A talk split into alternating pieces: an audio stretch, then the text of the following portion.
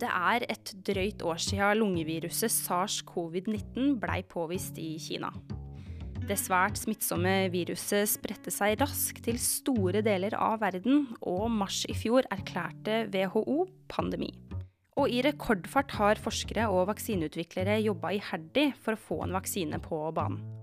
Nå er flere klare. De produseres og pakkes ned. Så lastes de på fly og reiser videre med biler. Før de havner i armene på deg og på meg. I alle fall snart. Når risikogruppa nå har fått sine doser, vil samfunnet åpne varsomt opp igjen. For oss i Norge. Men dette er ikke tilfellet i hele verden.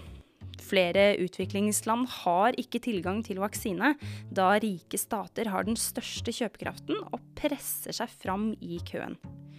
Hvorfor får noen land dosene i armene før andre?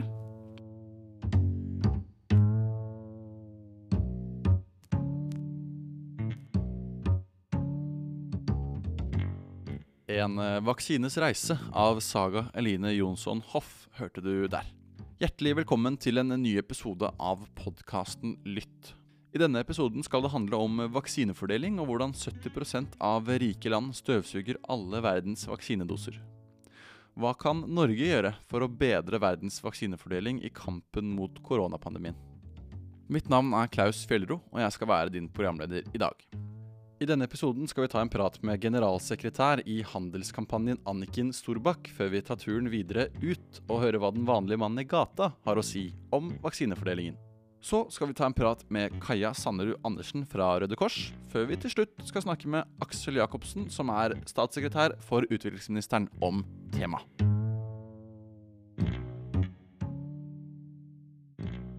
Men først, eh, velkommen hit i studio, generalsekretær i handelskampanjen Anniken eh, Storbakk.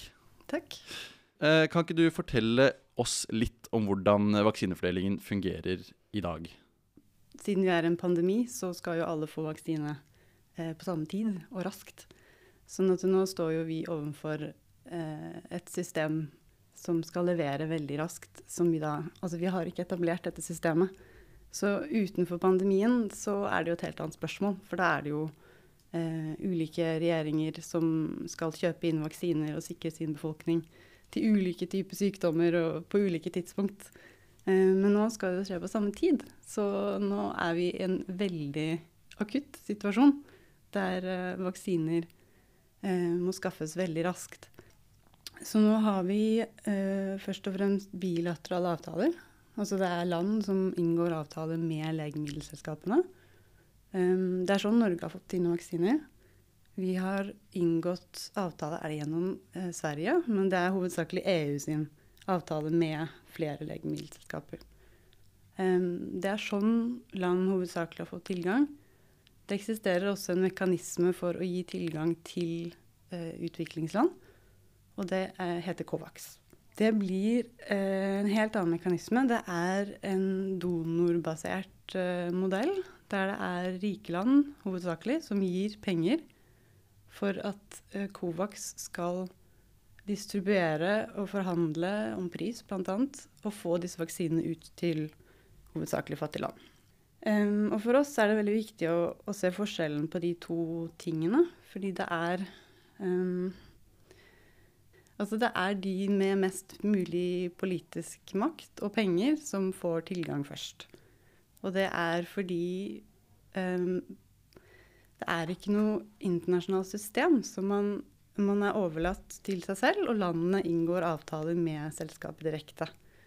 Uh, og da er vi i den situasjonen nå at uh, rike land har inngått avtaler veldig tidlig. Altså de inngikk um, avtaler om å kjøpe vaksinene før de i hele tatt var eh, godkjent. Sånn at uh, Europa hovedsakelig fikk tilgang uh, veldig mye før veldig mange andre deler av verden. Og det er derfor vi nå er i en situasjon der det er vel EU, USA og um, noen andre utviklingsland, utviklerland som har stått for hoved parten av vaksinasjonen som har skjedd. Og så har man noen land utenfor, som type Israel har fått en del. Eller veldig mye. Eh, Storbritannia står jo utenfor EU, så de har jo stått for veldig mye av vaksinasjonen. Og så har vi noe spredt i Latin-Amerika. Um, og veldig lite resten av verden, egentlig. Hva slags betydning har patenter for vaksinefordelingen? Altså det spørsmålet har kommet opp uh, nå, og det mm, er Det kommer veldig tydelig fram gjennom et forslag som ligger i Verdens handelsorganisasjon. Uh, det er et forslag fra India og Kenya i utgangspunktet, men nå har det fått støtte fra 53 land som står som da, si, støttespillere, og så har det 100 land som støtter det generelt. Og det er jo over halvparten av medlemmene i Verdens handelsorganisasjon som støtter det. Og dette har kommet opp um, som et forslag på å gi unntak på immateriale rettigheter. Så det er bl.a. patenter, men det er også opphavsrett og industriell design og sånn type ting. Og da er det et forslag om å gi unntak um, for utstyr og vaksiner og medisin eh, relatert til covid. Og det skal vare så lenge pandemien varer.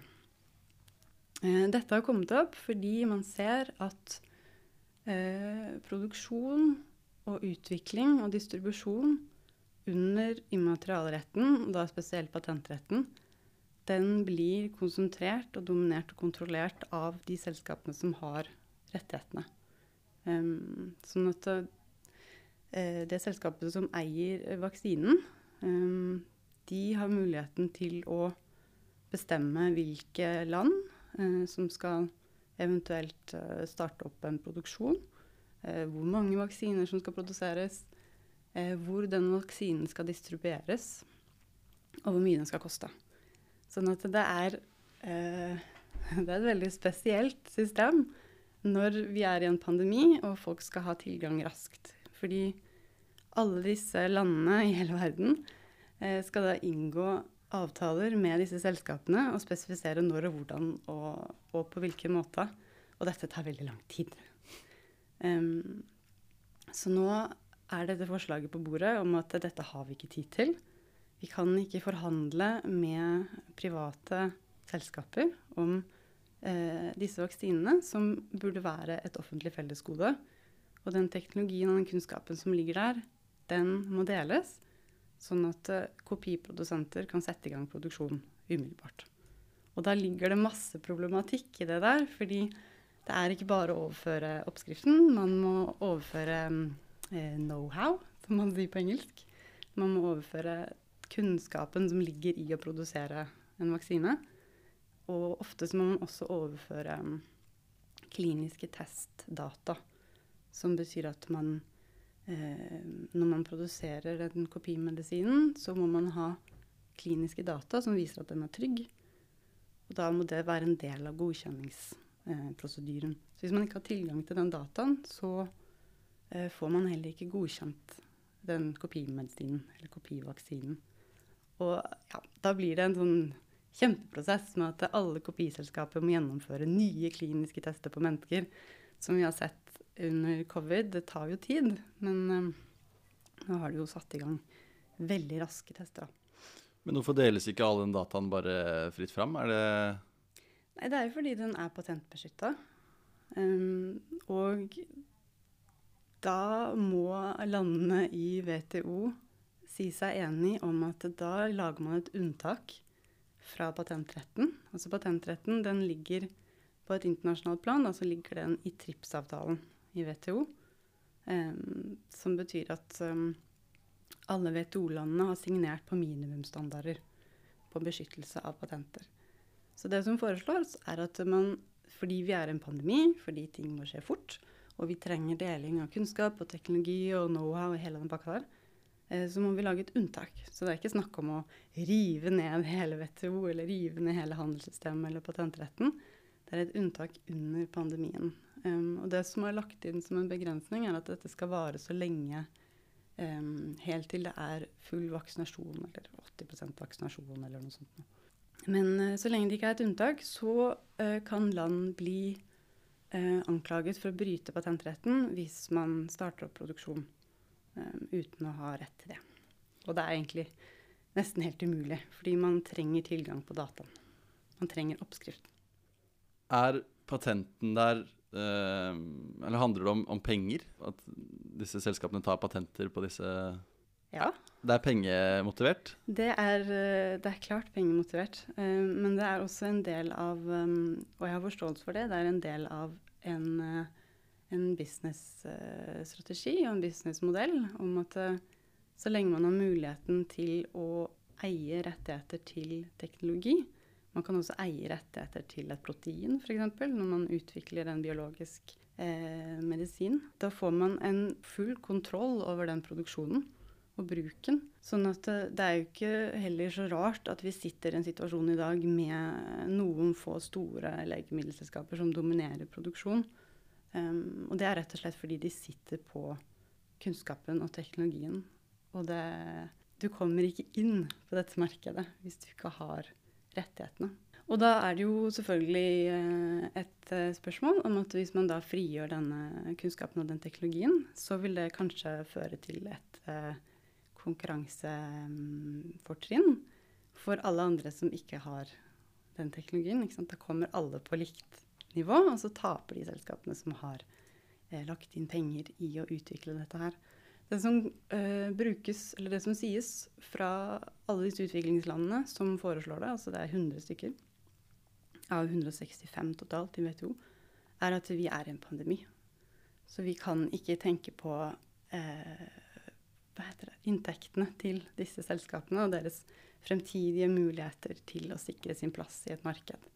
Fordi her uh, er det snakk om mennesker som trenger tilgang på vaksine. Hvilken rolle har Norge i det hele, altså på verdensbasis? Er det noe Norge kunne gjort eh, bedre eller mer av?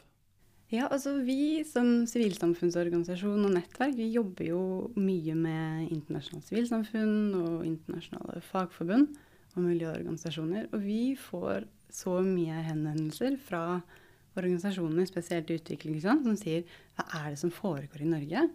Hvorfor blokkerer den norske regjeringen dette forslaget om et patentunntak. Og det er fordi Norge um, Altså dette spørsmålet kommer fordi Norge har uh, hatt en rolle i internasjonale forhandlinger som en aktør som støtter opp om utviklingsland sine behov.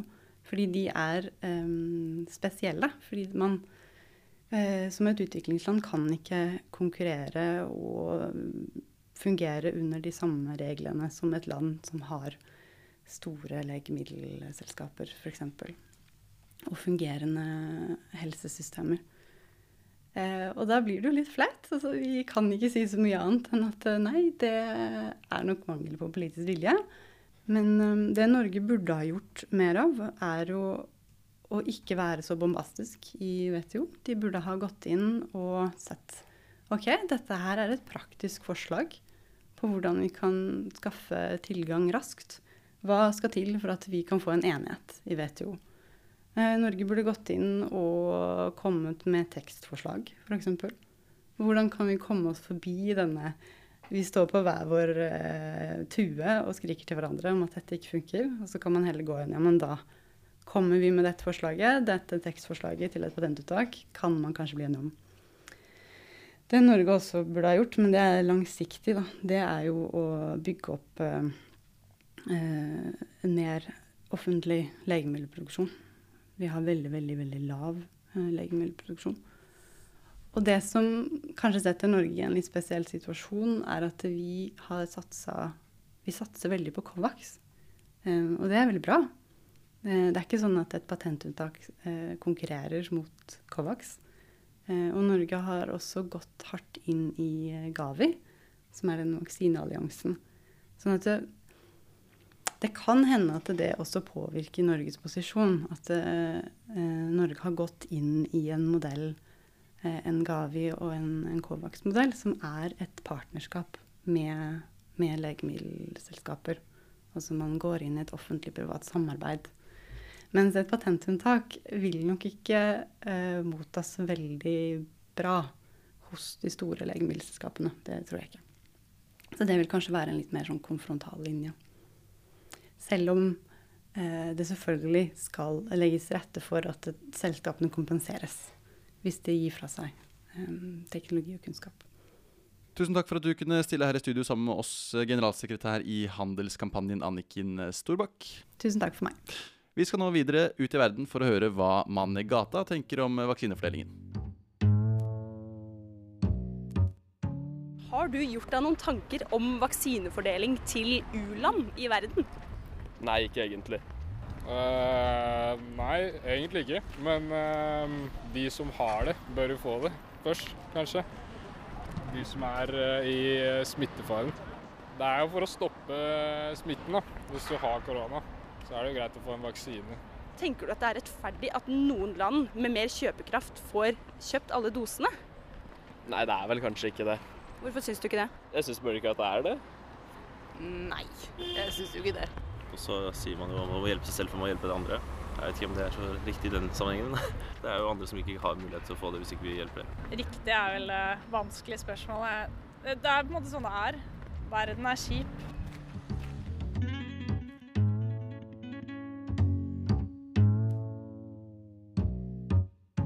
Reporter Saga Eline Jonsson Hoff der altså, som har vært ute og prata litt med Oslo-folk og folk på gata om hva de mener om temaet.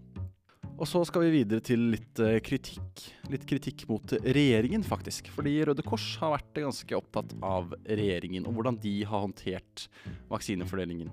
Og Vår reporter Susanne Skreie Christensen har vært i prat med en Kaja Sanderud Andersen fra nettopp Røde Kors for å høre hva de mener om vaksinefordelingen. Kaja Sanderud Andersen jobber i Røde Kors som seniorrådgiver for beskyttelse og påvirkning. Hun er tydelig på at konsekvensene av ulik vaksinefordeling kan være alvorlige, og forklarer at vaksinesamarbeidet COVAX, som Norge deltar i, skal sørge for et internasjonalt samarbeid istedenfor et kappløp.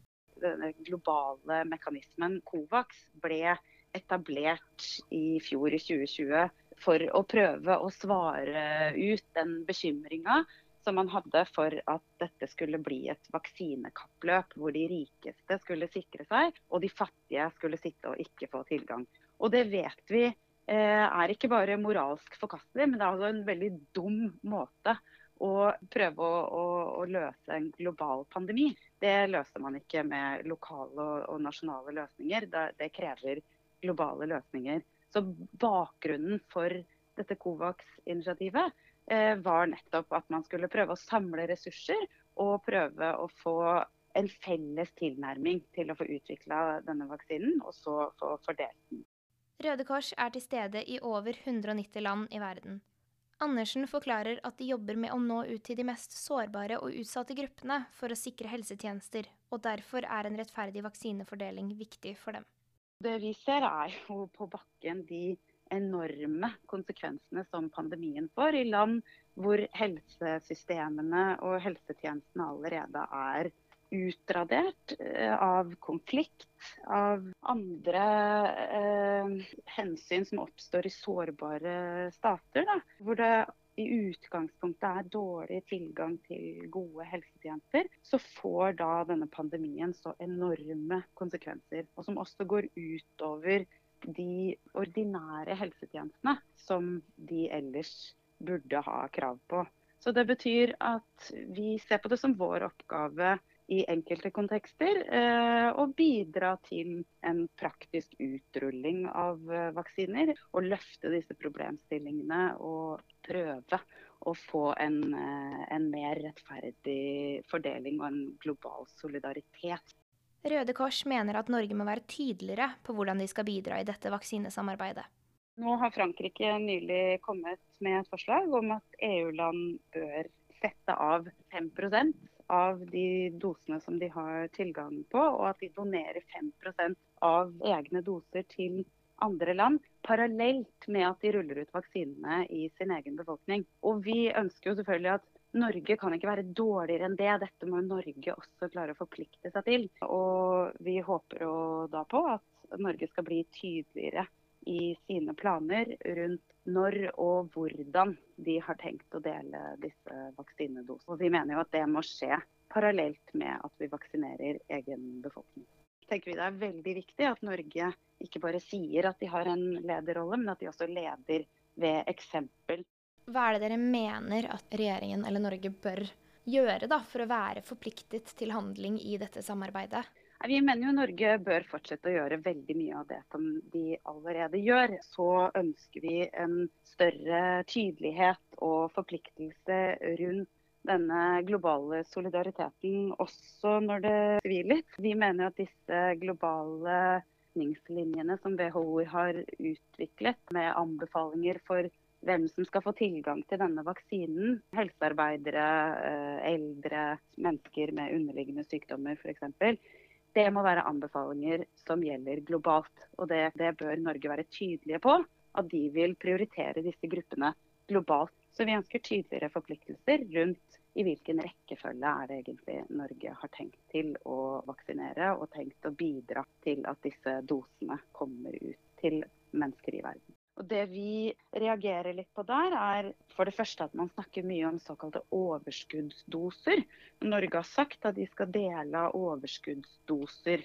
Men hva er disse overskuddsdosene? Betyr det doser som man har ekstra etter at hele Norges befolkning er vaksinert? Eller betyr det at først skal man vaksinere sårbare grupper i Norge, og så går man videre til å vaksinere sårbare og utsatte grupper i andre, land, før man igjen vaksinerer resten av egen friske, voksne befolkning? Og Det er disse spørsmålene som vi ønsker tydeligere svar på og avklaringer fra Norge. Vil jeg, 38 år frisk norsk kvinne, få denne vaksinen før en helsearbeider i Jemen? Eller vil Norge bidra til å sørge for at det ikke skjer? At det ikke er en rettferdig og fornuftig rekkefølge. Andersen er også tydelig på at en ujevn vaksinefordeling ikke bare vil ha konsekvenser for de nedprioriterte landene, men også for verdens befolkning i sin helhet. I det ytterste så bidrar det jo til å forlenge pandemien. Eh, og det ser vi jo ikke minst nå som det oppstår stadig nye mutasjoner. At det er viktig å få bukt med utbruddene. For det, i verste fall kan det oppstå nye former av dette viruset som vil kreve helt andre vaksiner. Men det vil jo også forlenge konsekvensene av pandemien. Altså økonomiske, sosiale, humanitære konsekvenser som, eh, som kommer til å fortsette å spille seg ut i, i lang, lang tid. Vi vil kunne merke det også direkte selv vi som sitter og er eh, fullvaksinert. Det vil være mindre bevegelsesfrihet.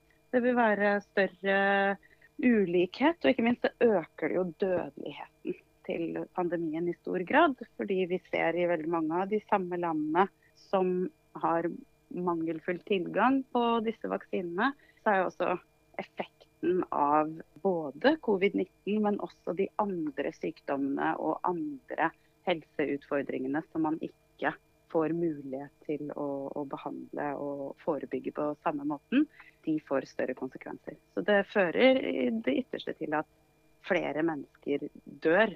Og, og ikke minst så kan det jo også på sikt svekke tilliten til globale institusjoner og, og globale løsninger. At vi ikke evner å løse dette problemet på en, en måte som løser det for alle. Du hørte Kaja Sanderud Andersen i Røde Kors, reporter Susanne Skrei Christensen.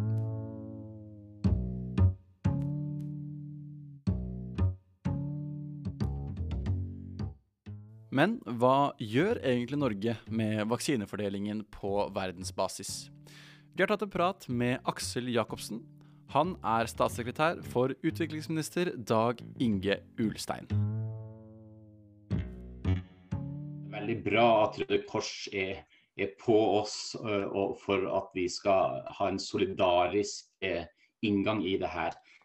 særlig i denne fasen der det, vaksiner er en, en stor uh, et knapphetsgode. Statssekretær Aksel Jacobsen har forståelse for Røde Kors sine krav, og kan fortelle at regjeringen jobber for å bidra til en rettferdig vaksinefordeling. Vi eh, sa veldig tidlig, vi var et av de første landene som sa at vi ønsker å viderefordele eh, våre vaksiner samtidig og parallelt med at vi vaksinerer egen befolkning.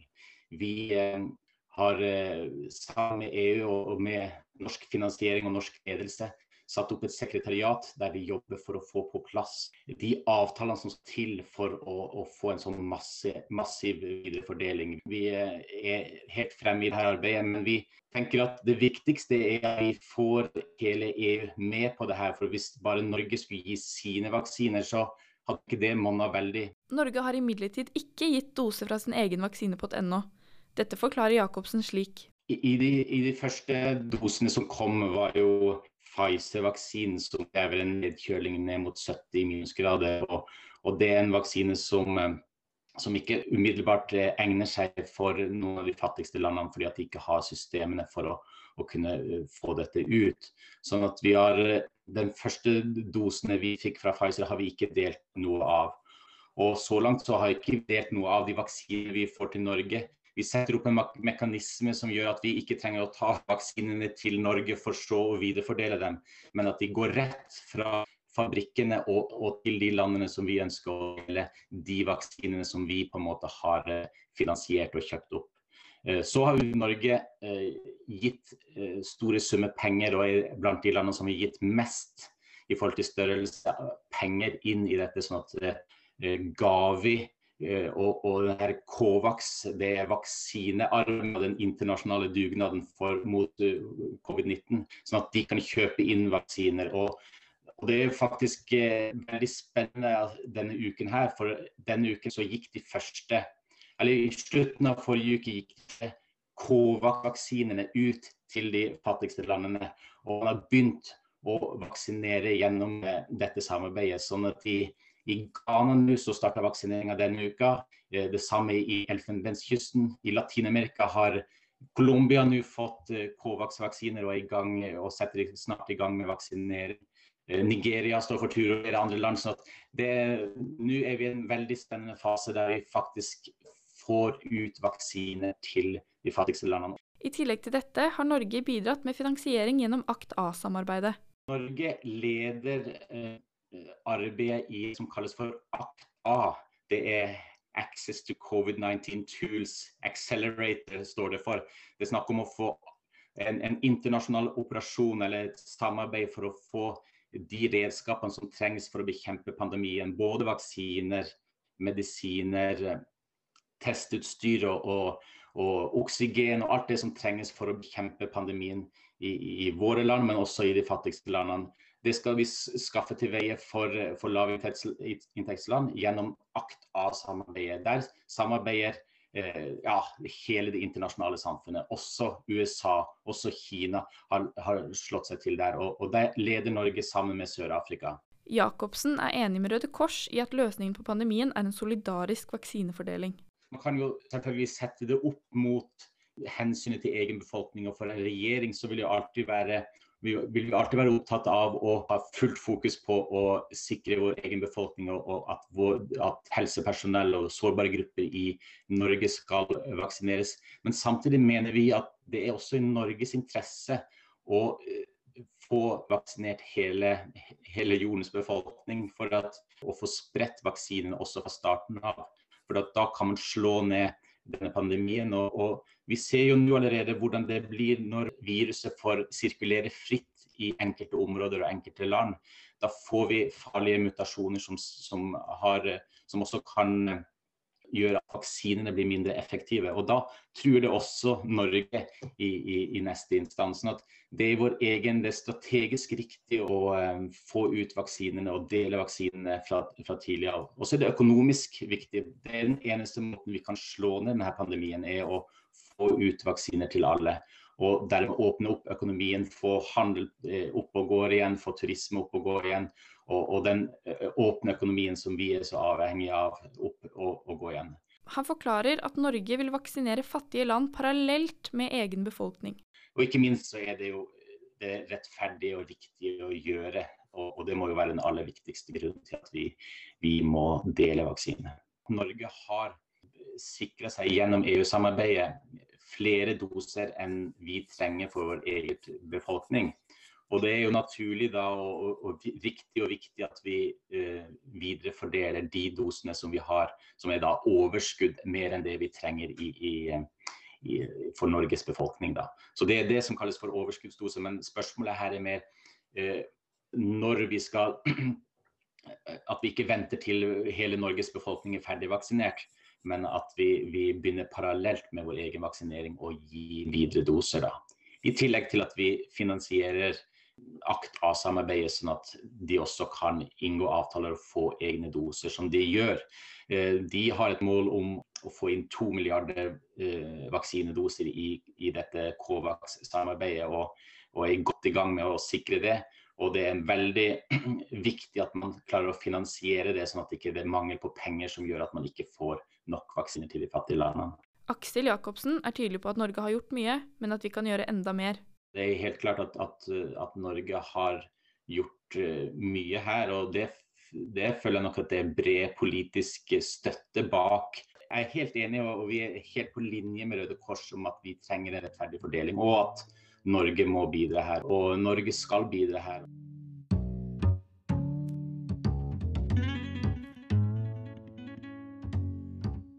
Du hørte statssekretær Aksel Jacobsen, reporter Lea Girolami Bråten. Og helt til slutt så skal vi en eh, liten tur ut eh, til, vi. Syns dere Norge burde dele ut noen av sine egne doser til u-land som ikke har hatt kjøpekraft enda til å få vaksinedoser? Men det er der jeg mener de overnasjonale organisasjonene bør ta, ta tak og ha ansvaret for det. Om, om eh, Norge hva skal man si, ensidig eh, som eneste land tar, tar et tak, grep og hjelper noen utvalgte land. Ikke sant? Så hvor det kommer spørsmål Hvordan skulle man velge ut hvilke skulle få, få bedre tilgang? Ja, det syns jeg.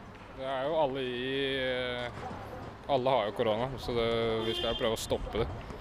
Og ikke stoppe det i visse land.